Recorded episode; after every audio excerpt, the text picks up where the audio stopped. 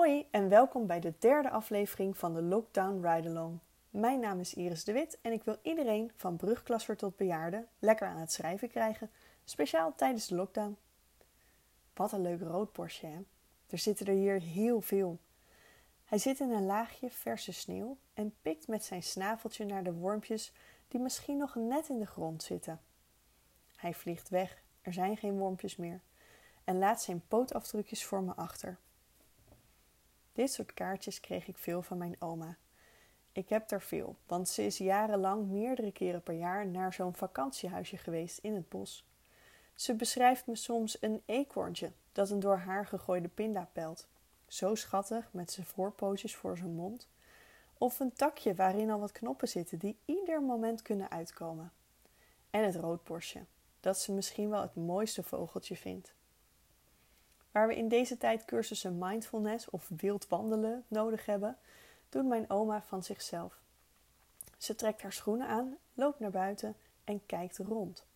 Ze heeft geen podcast op, geen muziek, maar ze loopt en kijkt.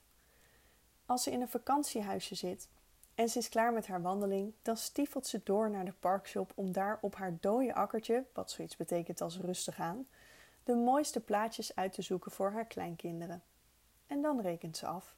Met contant geld natuurlijk, want dan kun je zo lekker zien of je nog iets over hebt. En stapt ze door naar haar huisje. Daar pakt ze haar spullen om te gaan koken.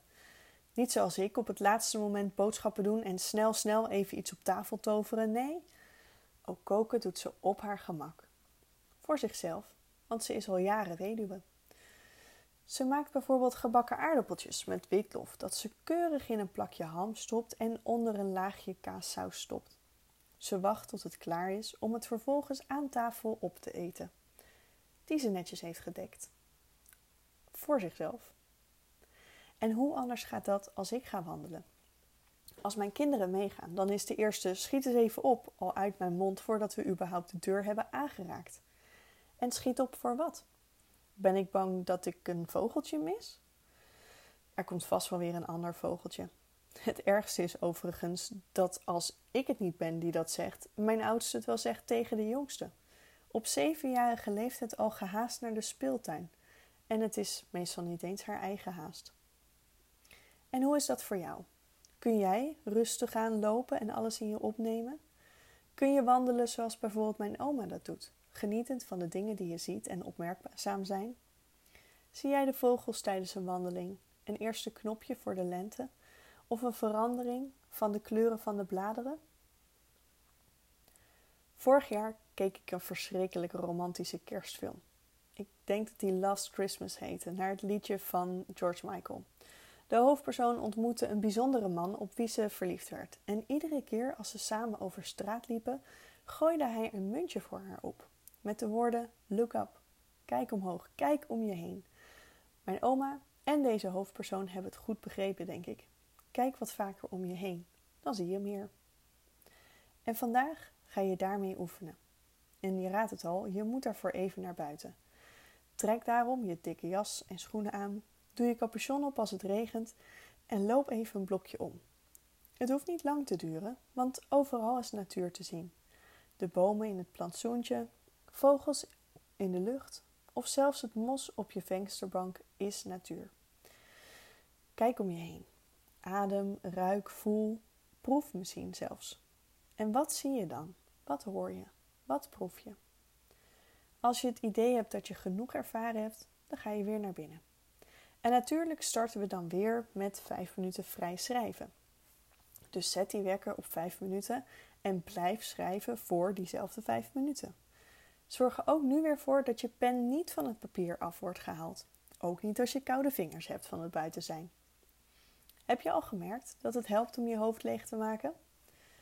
Misschien merk je het niet meteen. Soms moet je nog een beetje inkomen, maar blijf het volhouden. Op een gegeven moment zul je merken dat het je makkelijker afgaat en dat het je ook echt iets brengt. Daarna volgt de tweede oefening.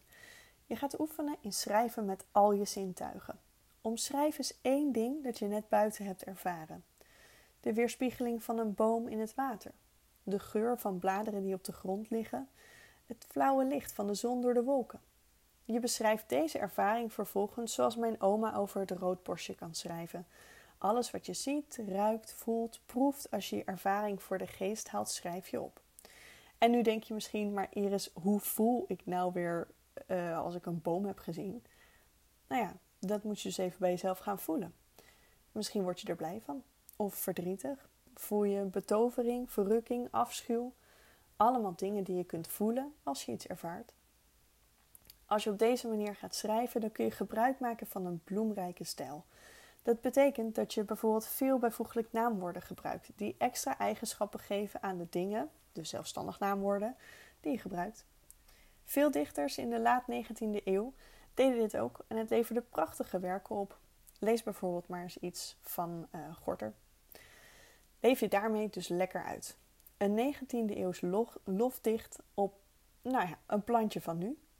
Neem je tijd, blijf lekker schrijven. Veel succes!